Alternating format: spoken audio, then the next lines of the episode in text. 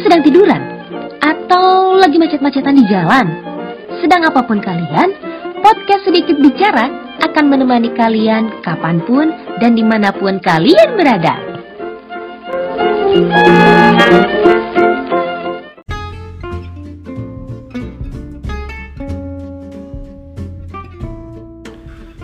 Sedikit bicara kembali mengudara, menemani kalian yang sekarang lagi tiduran di kamar, yang lagi macet-macetan di jalan, atau mungkin kalian yang sekarang lagi berduaan. gue Evan, di kesempatan ini gue balik lagi bareng Geza yang sebelumnya juga uh, pernah isi ya di podcast episode berapa ya? Episode sebelumnya lah. Sebelumnya. Ha-ha, yang judulnya tentang digitalisasi. Sekarang gue ajak lagi Geza buat kita bahas soal pendidikan. Hmm. Nah karena Geza ini kebetulan juga banyak yang pernah dia lalui ya sebagai seorang apa aktivis pendidikan. Tuh. Oke oke. Ah, mungkin lu bisa cerita Zah terkait dengan pendidikan lu dari mulai mungkin sekolah dasar SMP SMA. Lama banget dong kejauhan. Gak apa-apa gak apa. Secara garis besar aja. Secara garis ya. besar aja. Pengalaman lu dulu kayak gimana sih? Karena kan ini penting ya untuk kita juga tahu begitu ya uh, pendidikan sekarang itu kayak gimana dan ini mungkin juga bisa jadi experience buat orang-orang ya kan benar, bukan benar. hanya buat lu aja bukan hanya buat gue aja tapi buat orang secara keseluruhan biar kita tahu nih oh langkah kayak gini gimana ya bagus enggak kita ambil gitu sih Apa ya? Mulai dari- SD nih. Hmm. Dari SD, gua SD di Muhammadiyah. Jakarta? Jakarta Romangun. Oke. Ya itu di komplek di komplek perguruan itu tuh, perguruan pendidikan sana itu. Dari TK sampai SMA tuh Muhammadiyah dan gue di sana. Muhammadiyah iya. Hmm, Berarti oke. kurang lebih gue di, di di komplek itu kurang lebih 17 tahun gua. 17 tahun itu aja udah kayak senior gue di sana dari TK, SD, SMP, SMA, Muhammadiyah terus gua. oh Muhammadiyah tuh Muhammadiyah terus. Gua- bosen? Iya gimana? ya orang tua gue udah kenal sama gurunya jadi Iya sih. Hmm. masuk-masuk aja kan jadi gak usah tes nggak usah tes gitu kan. orang dalam Orang dalam. privilege Dan itu masih masih ada di zaman dulu. Jadi itu SD, SMP, SMA. gue gue perlu tanya nggak tahunnya tahun berapa lo lulus SD Eh, gak usah lah ya gak usah gak usah nggak usah sih nggak apa-apa kalian juga bisa cek sendiri kok di Instagram gue oke next next oke habis itu SD SMP SMA habis itu gue lanjut, lanjut kuliah tuh ke di Penogoro Semarang. Oh Semarang di Tembalang? Di tem, dua tahun di bawah dua tahun di atas Tembalang. Di Oh. bawah itu masih di bawah. Oh belum pindah berarti ya? Belum pindah, yang masih- Tembalang ini kan yang baru ya? Oke. pembangunan di. Undip Undip. oh, Undip Undip Undip itu universitas di Patukur anjir. Univ- universitas di Padang. Kok Unpad baru? Universi- Universitas Pangeran di Penogoro Tuh. kirain Universitas Padang. Mak- Makanya nih kalian nih agak salah nih. eh tapi ngomong-ngomong Undip itu alma maternya kurang lebih sama gak sih sama Unpad? Unpad kan biar dongker ya Iya iya sama-sama. Iya kan, sama. Biodongker juga kan? Biodongker. Nah, itu. Makanya itu mungkin cabangnya kali. cabang mana nih siapa yang pusat nih harus diperjelas dulu siapa yang Ini pusat kayak cabangnya. Iya sama biru dongker juga di Undip juga biru dongker. Dan apa ya? Dan gue keterima di Undip itu. Eh bentar bentar, kita harus ngebahas alma mater dulu. Oh iya. iya. Warna alma mater kan beda-beda ya. Iya benar. Kayak misalnya kita di Jabodetabek lah. Heeh. Ada yang warna kuning ya kan, ada yang warna hijau dekat rumah lo kan, yang warna hijau. Oh iya ya. Iyalah. Iya kayaknya. Iya, warna hijau. Ada juga yang biru dongker dan lain-lain. Dan di Bandung kan banyak juga warna-warna yang lain. Termasuk gue sendiri ngerasa warna biru dongker ini cukup elegan gitu. Dipakai sama Tergantung siapa yang make sih kayaknya. Siapa yang make sih. Oke oke oke. Lanjut lanjut lanjut. Gak penting sebenarnya. Udah udah udah nih itunya masalah alma mater. udah, udah. Cukup cukup cukup. Oke. Ini intermezzo aja. Intermezzo. Abis itu, eh iya gue keterima di Undip itu di gelombang terakhir.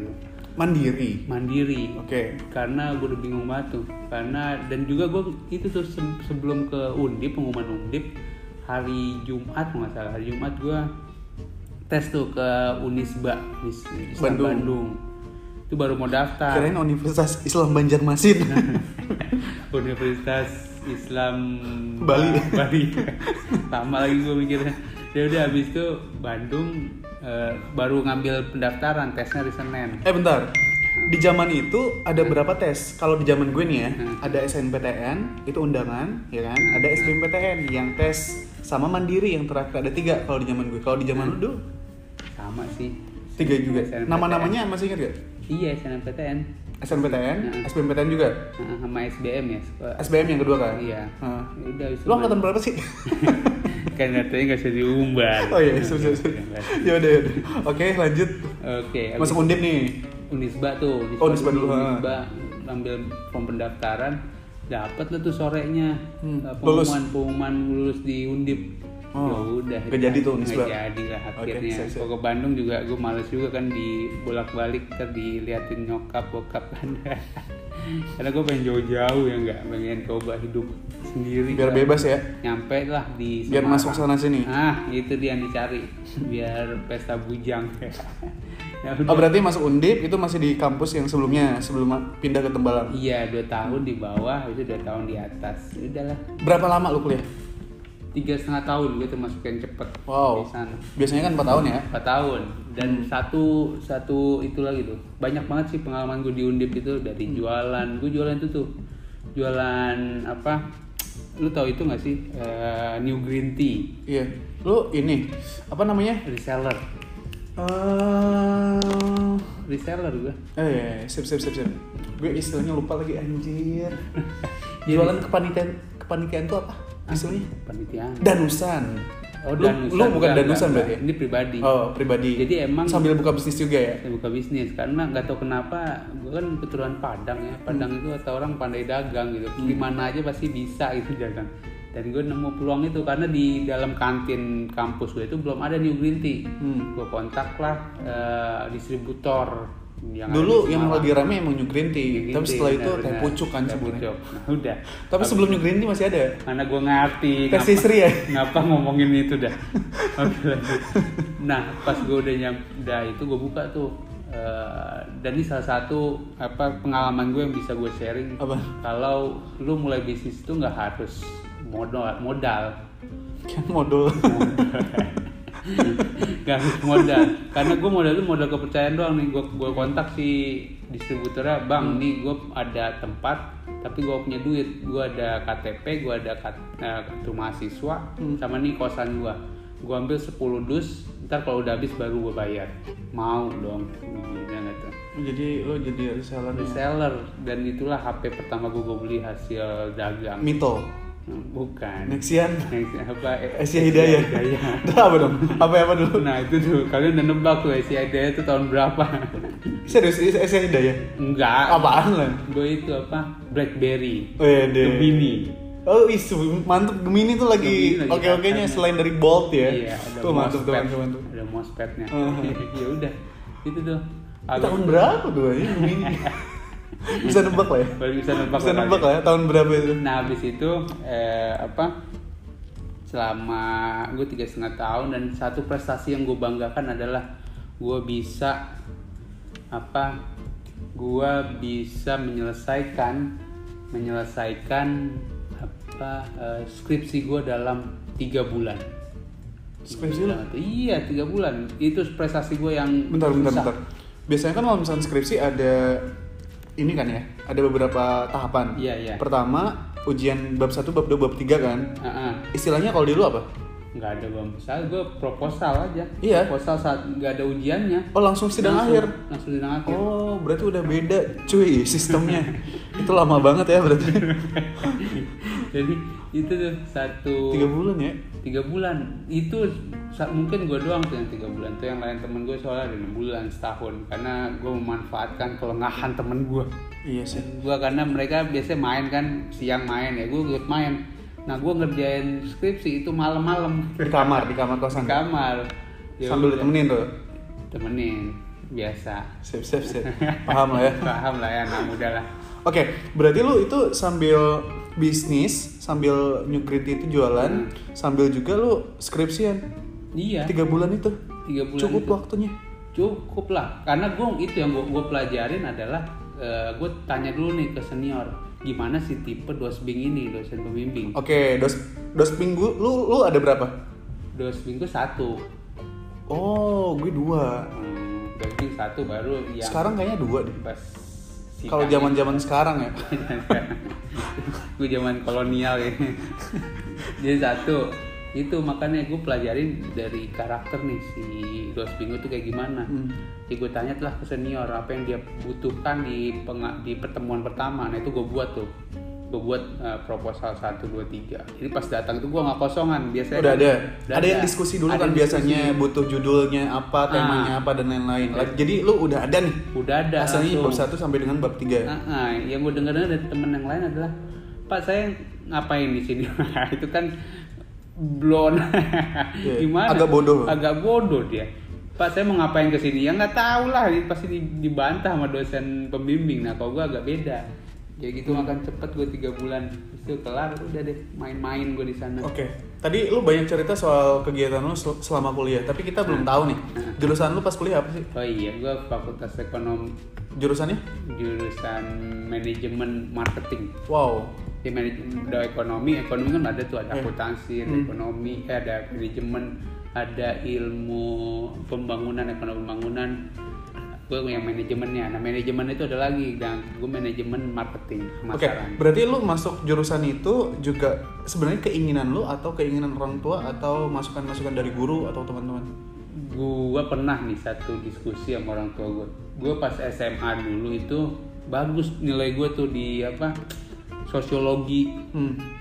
sosiologi tuh kata guru gua kamu bagus Giza di sosiologi. Eh, itu gue tanya sama bokap gimana kalau ngambil kuliah sosiologi sama bokap langsung dibilang kebayang nggak nanti kerjanya kayak apa belum sih nah bokap langsung ngasih nih kalau ekonomi kerjanya itu nanti pakai jas baju rapi Oke, oke. nah itu yang yang yang dibuat sama bokap gue itu dia nggak nolak apa yang gue pengen Tapi- tapi, dia ngarahin Ya, kasih knowledge baru. kasih knowledge baru yang yang gue nggak kepikiran yang yang gue tahu kan apa yang gue seneng Iya. ya udah itu gue gua ambil Iya, tapi iya, kan benar-benar. Orang tua itu ya dia ngasih tahu ke depannya itu kayak gimana Hmm. kerjaannya dan ada nggak kerjaan di masa depan itu Oh, benar-benar sepakat. dan dan itulah gue ngerasa oh iya ya jadi ada ada itu salah satu eh, momen yang gue ingat dari bokap gue kalau lu tuh harus ya mikir jauh juga sebelum ngambil keputusan gitu. Gak banyak sih orang tua kayak gini, maksudnya Hmm. oh, beberapa temen gue juga akhirnya ambil kuliah, ambil jurusan itu keinginan orang tua tanpa Iya, iya, dia iya. sendiri pengen. Akhirnya juga di semester 2, semester 3 dia pengen cabut, pindah Cabut-cabutan, jurusan dan lain-lain. Dan gak bener akhirnya. nggak benar Itu yang juga jadi bahan perhatian bagi kita ya yang Hmm. sekarang mungkin udah menginjak usia 20 pertengahan. Hmm. Bentar lagi nikah. Ada juga 30 yang belum nikah, ada juga agak Hmm. sedikit. Tapi kita persiapkanlah dari sekarang. Hal-hal kayak gini juga kita harus per- perhatiin buat anak-anak kita nanti. Jangan sampai pilihan-pilihan yang diambil oleh anak-anak kita juga akhirnya jadi apa ya? Jadi masalah buat mereka karena paksaan dari kita, dari orang tua dan lain-lainnya. dan juga itu sih maksudnya walaupun nanti itu kan tadi pembahasan untuk anak dan Hmm. walaupun sekarang lu lu kalian kan juga pasti ada yang punya orang tua pastinya kan Mhm. dan kadang lu ada berselisih paham dengan orang tua lu Betul, betul. berselisih paham misalnya lu pengen ini nah sebenarnya sih bukan orang tua nggak setuju tapi dia emang belum tahu aja dunia kita gitu loh Iya. jadi yang ibu jadi gimana cara lu menjelaskan mereka? Orang tua kita nggak tahu itu metaverse begitu gitu. Hmm. game online bisa dapat duit dari online. Ya. dan itu ya itu zaman sekarang. Nah tugas lo ada menceritakan itu kepada orang tua lo Nah ini mungkin PR bagi beberapa orang yang gap uh, usianya juga sangat jauh gitu ya, apalagi orang tuanya yang nggak terupdate sama kondisi-kondisi saat ini, iya iya. Yang jauh dari media dan lain-lain. Itu agak sulit sebenarnya untuk menjelaskan hal itu. Karena seberapa sering pun kita menjelaskan juga bakal mentok lagi mentok lagi.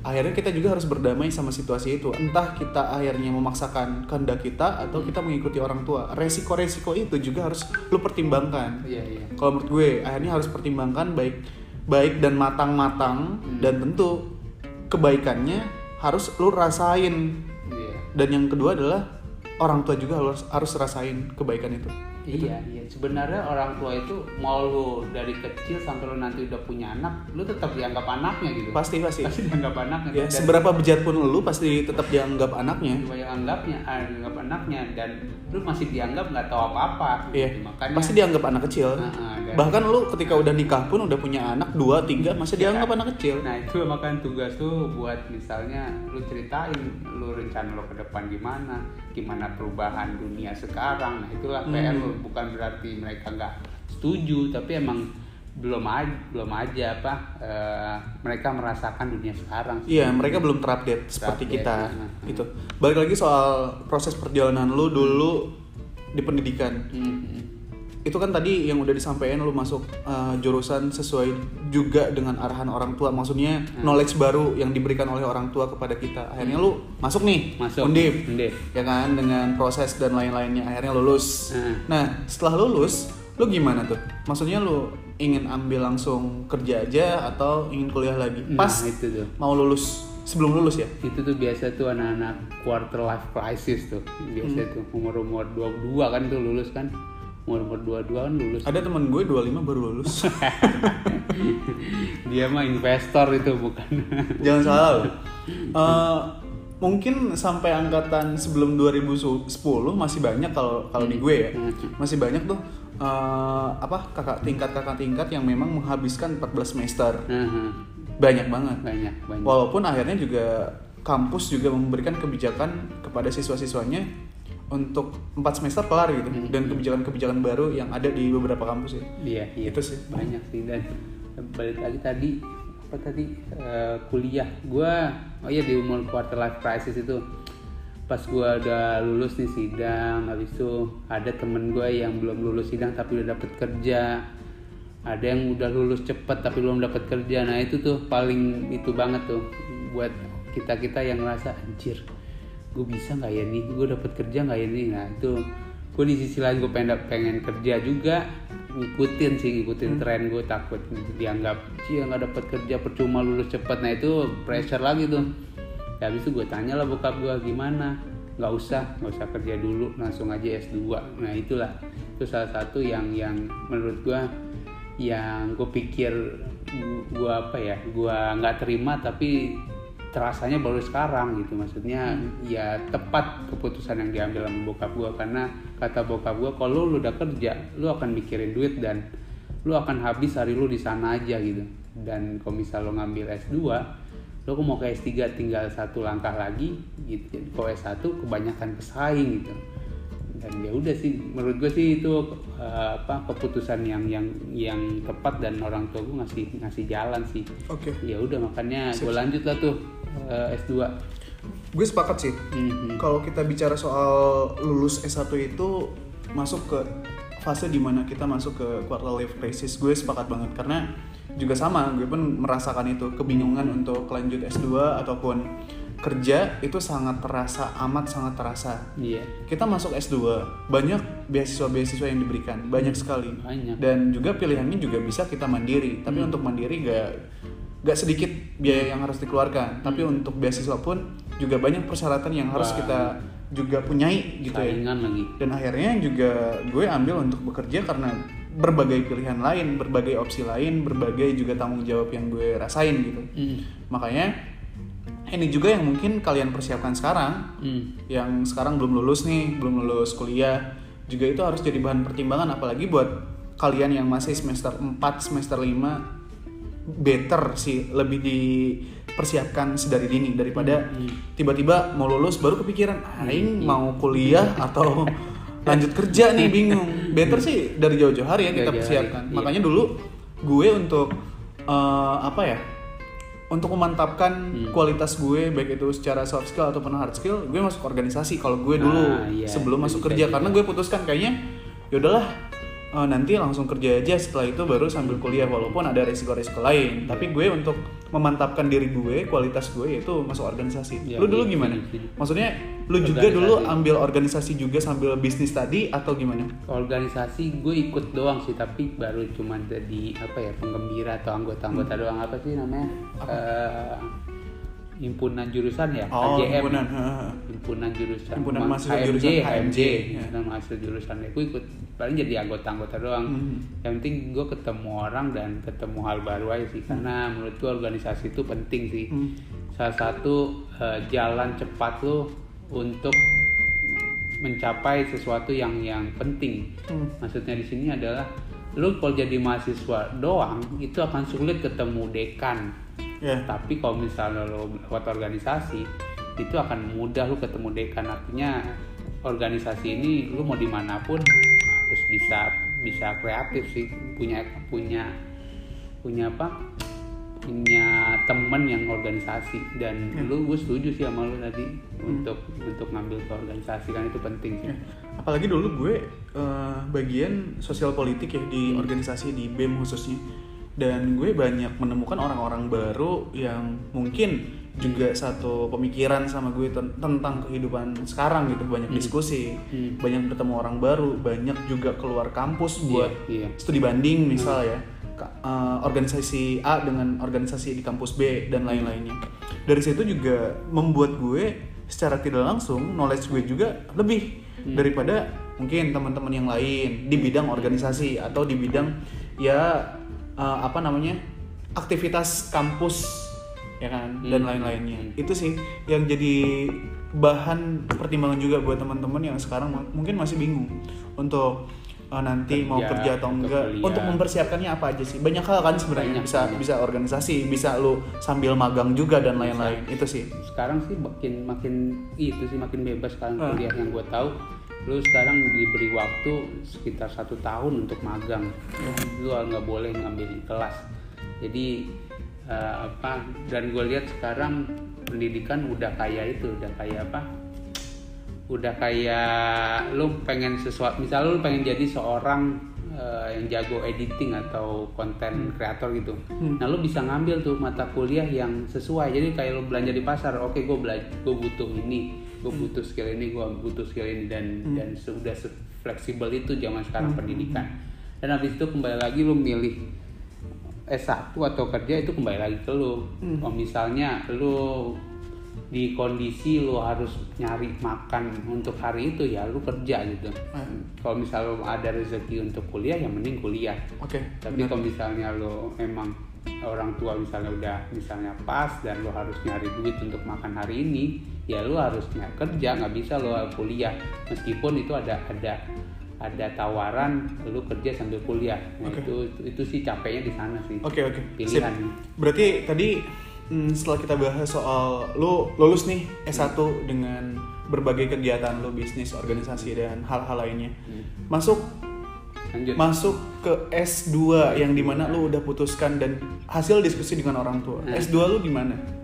ini S2 gue nyiapin S2 itu gue kan ini ya apa gue Hmm. kan suka MU ya Manchester United ya lu suka juga kan lu MU Lu gue gue Nah, gue MU. MU ya MU. jadi pas selama gue di Undip itu S1 itu gue nonton tuh tuh nonton di kafe di Burjo MU nah itu itu gue tempel-tempel lah tuh kegiatan. Lagi bagus-bagusnya tuh kayaknya Lagi zaman dulu ya. tuh, heeh. Zaman dulu masih masih bagus-bagusnya tuh. masih bagus Pas zaman kuliah gue kuliah ya udah busuk gitu.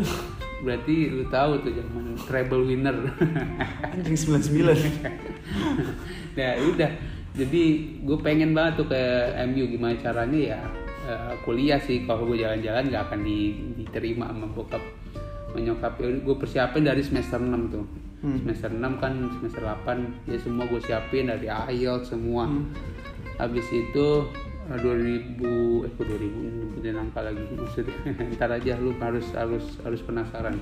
Nah habis itu gue butuh satu tahun untuk ngasih tahu ke orang tua gue gue itu eh, pengen keluar. Karena gue udah udah empat tahun kan ke ke Semarang ninggalin orang tua. Dan sekarang gue harus ke Inggris lagi. Nah itu yang yang kayaknya ridho orang tua tuh yang yang yang lo harus perhatiin meskipun lo pengen tapi lo nggak diridoin sama orang tua itu bakal susah jalannya. Bener gue udah buktiin itu. Gue udah pengen banget tapi sama orang tua entar entar aja entar aja. Nah se- setahun lah tuh gue di rumah aja tuh nemenin orang tua. Ya udah. Ya gue baru tahu kalau orang tua itu ya semuanya tuh kalau misalnya dia setuju semua lancar. Habis itu gue berangkat nyampe lah sana ke Inggris itu. Gue ke Inggris nih. Inggris ya, ambilnya Inggris. Inggris karena gue suka MU tapi Iya. gue tinggal di Liverpool Jadi lu itu putuskan untuk kuliah di Inggris itu Nah. dengan opsinya cuma satu di Inggris doang tanpa Iya. ada opsi yang lain. Ada. Misalnya di Timur Timur misal enggak ya? luar negeri juga kan Luar negeri juga. enggak tapi enggak Misalnya ada yang nanya, lu kuliah di mana? Di luar negeri, di mana luar negerinya? Di timur. timur mana? Timur timur. eh di timur timur itu ke 8 jam bisa lebih kali ya Bisa lebih. 8 jam itu ke udah nyampe Eropa itu Iya. ini kita 8 jam baru nyampe Papua Oke. Lanjut lanjut. Lu Lanjut. kuliah ke Inggris nih. Kuliah ke Inggrisnya Inggris. di mana? di Man di, di Manchester di Liverpool Lu eh, gimana?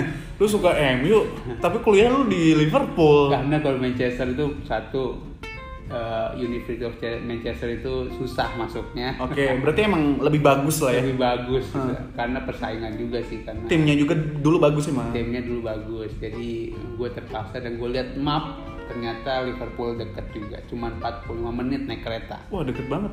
Dari anjir ini mah dari Mega Kuningan ke Kelapa Gading ini kosan gue Kelapa Gading.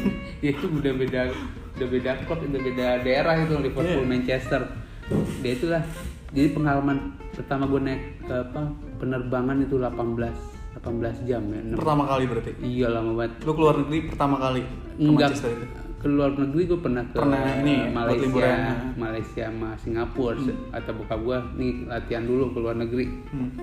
Singapura Malaysia ya udahlah nggak apa-apa itu ke sana lah ke Inggris Ke Inggris itu 18 jam 8 jam di pesawat naik ke apa ke Qatar habis itu dari Qatar ke Pakai apa? Pakai Emirates. naik Qatar Oh, Qatar Airways. Qatar Airways Oh. gitu. itu sih siapa lagi Hmm. Berarti lu ambil kuliah di sana di Liverpool, terus lu ambil lewat apa? Lewat mandiri Oh, kah? mandiri, Lewat beasiswa mandiri. atau apa? Mandiri. Jadi Mandiri. zaman gue itu masih apa ya? Masih jarang kayaknya konsultan pendidikan itu. Masih yang jarang biasanya yang ngasih informasi gitu ya? ngasih informasi Hmm. dan ya gue apa ya? Termasuk yang low budget sih maksudnya sama bokap gue ya lu cari kok bisa cari ya bukannya bokap pasti akan ngasih yang terbaik tapi gue ngerti juga ini termasuk pakai biaya jadi gue nyari yang bisa-bisa gue aja ya Apalagi di Inggris kan cukup tinggi juga pembiayaan. Bener, dua puluh ribu nggak tuh pound sterling karena ini pound sterling bukan Iya. apa Euro ya? bukan euro pound sterling itu mahal beda Apalagi sendiri. peso. peso apa tuh Mas, mata uang juga anjir. Lu gak diajarin waktu SD. Pes- peso di mana sih Peso lupa lagi gue di mana tapi peso ada. Iya iya. Gue cari di Google nih. Eh, Lu sambil ngomong aja. oke peso eh tuh peso sih abis itu eh, di Inggris dan gue gue kasih tahu nih gue di sana itu belajar bahasa lagi pan jadi Hmm. gue sebenarnya jelek bahasa Inggris gue pas nyampe Oh, peso di- itu sorry sorry. Ah, sem- Peso itu sem- mata uang Filipina. Oh, besok Filipina. Oke deh. Kira rupiah. nah, gue gue tuh belajar bahasa tuh di Inggris. Pas di Indonesia syarat visa itu empat setengah IELTS-nya. IELTS ya. Eh empat IELTS. Lu itu gue dapet eh, empat setengah. IELTS itu uh, preparation dulu apa udah langsung?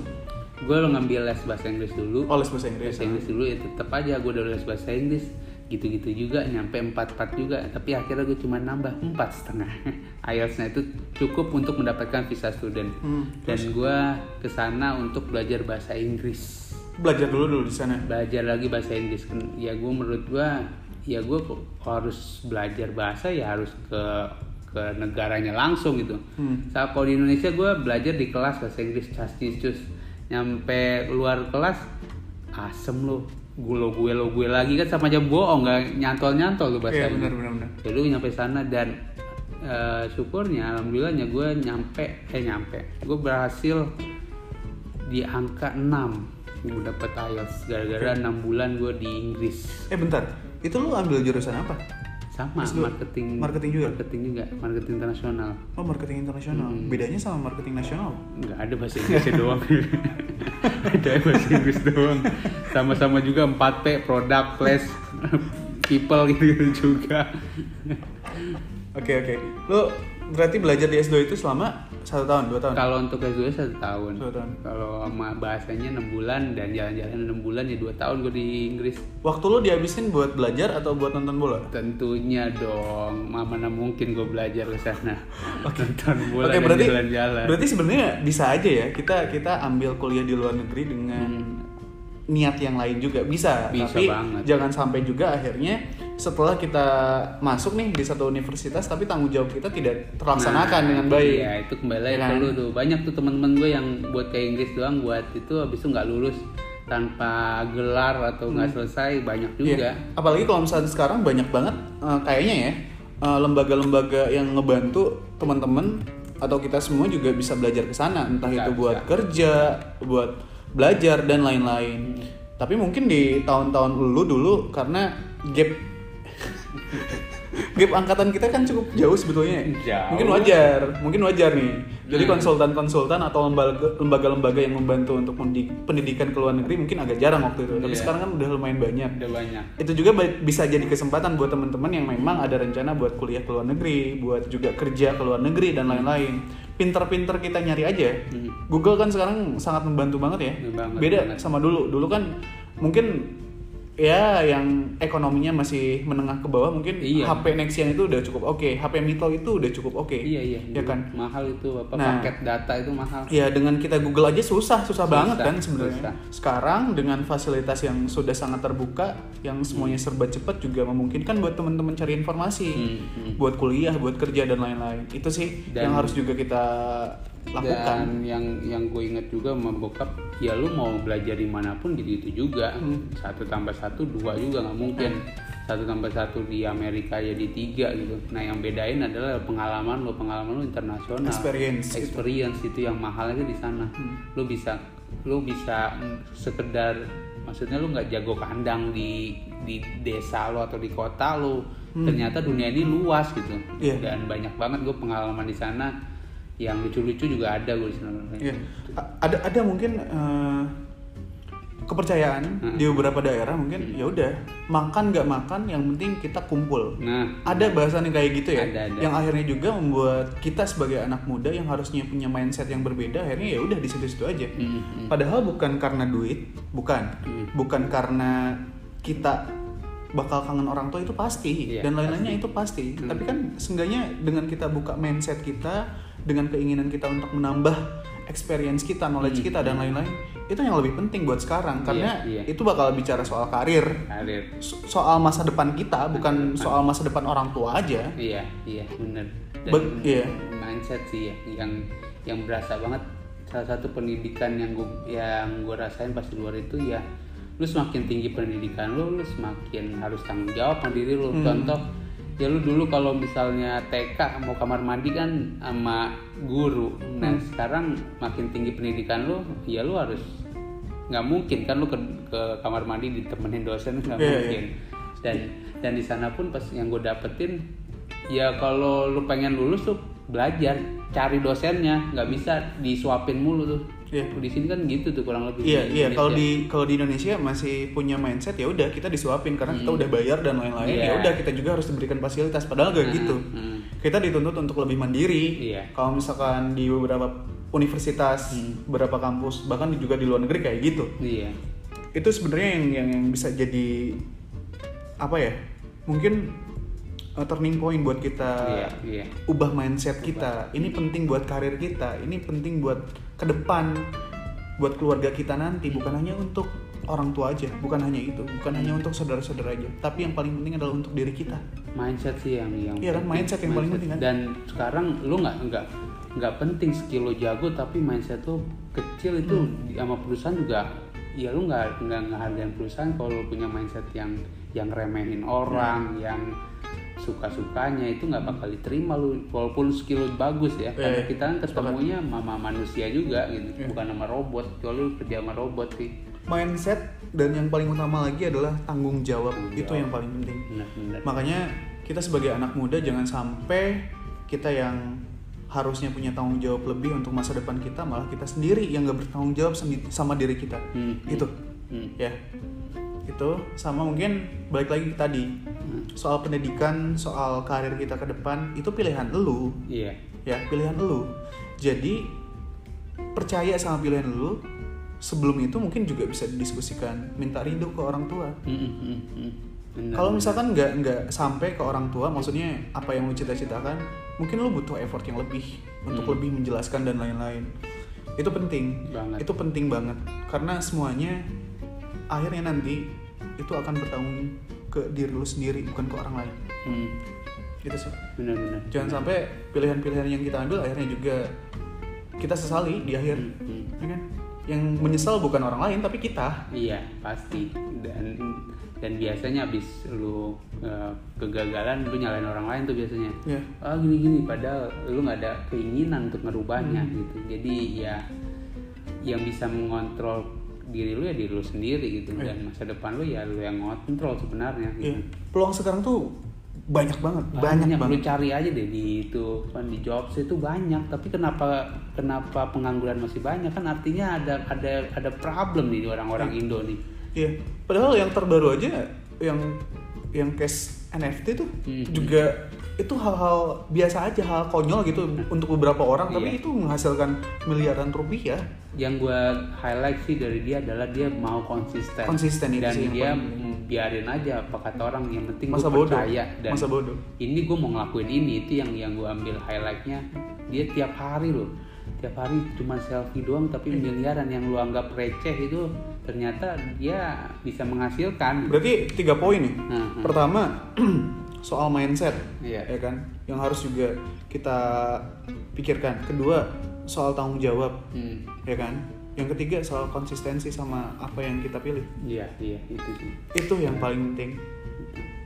Ya udah, paling itu aja Siap, untuk siap. episode kali ini karena masih banyak masih banyak yang bakal kita obrolin. Eh, Teman-teman stay tune aja di sedikit bicara. Nanti akan keluar episode-episode baru baru bareng Geza dan juga teman-teman yang lain.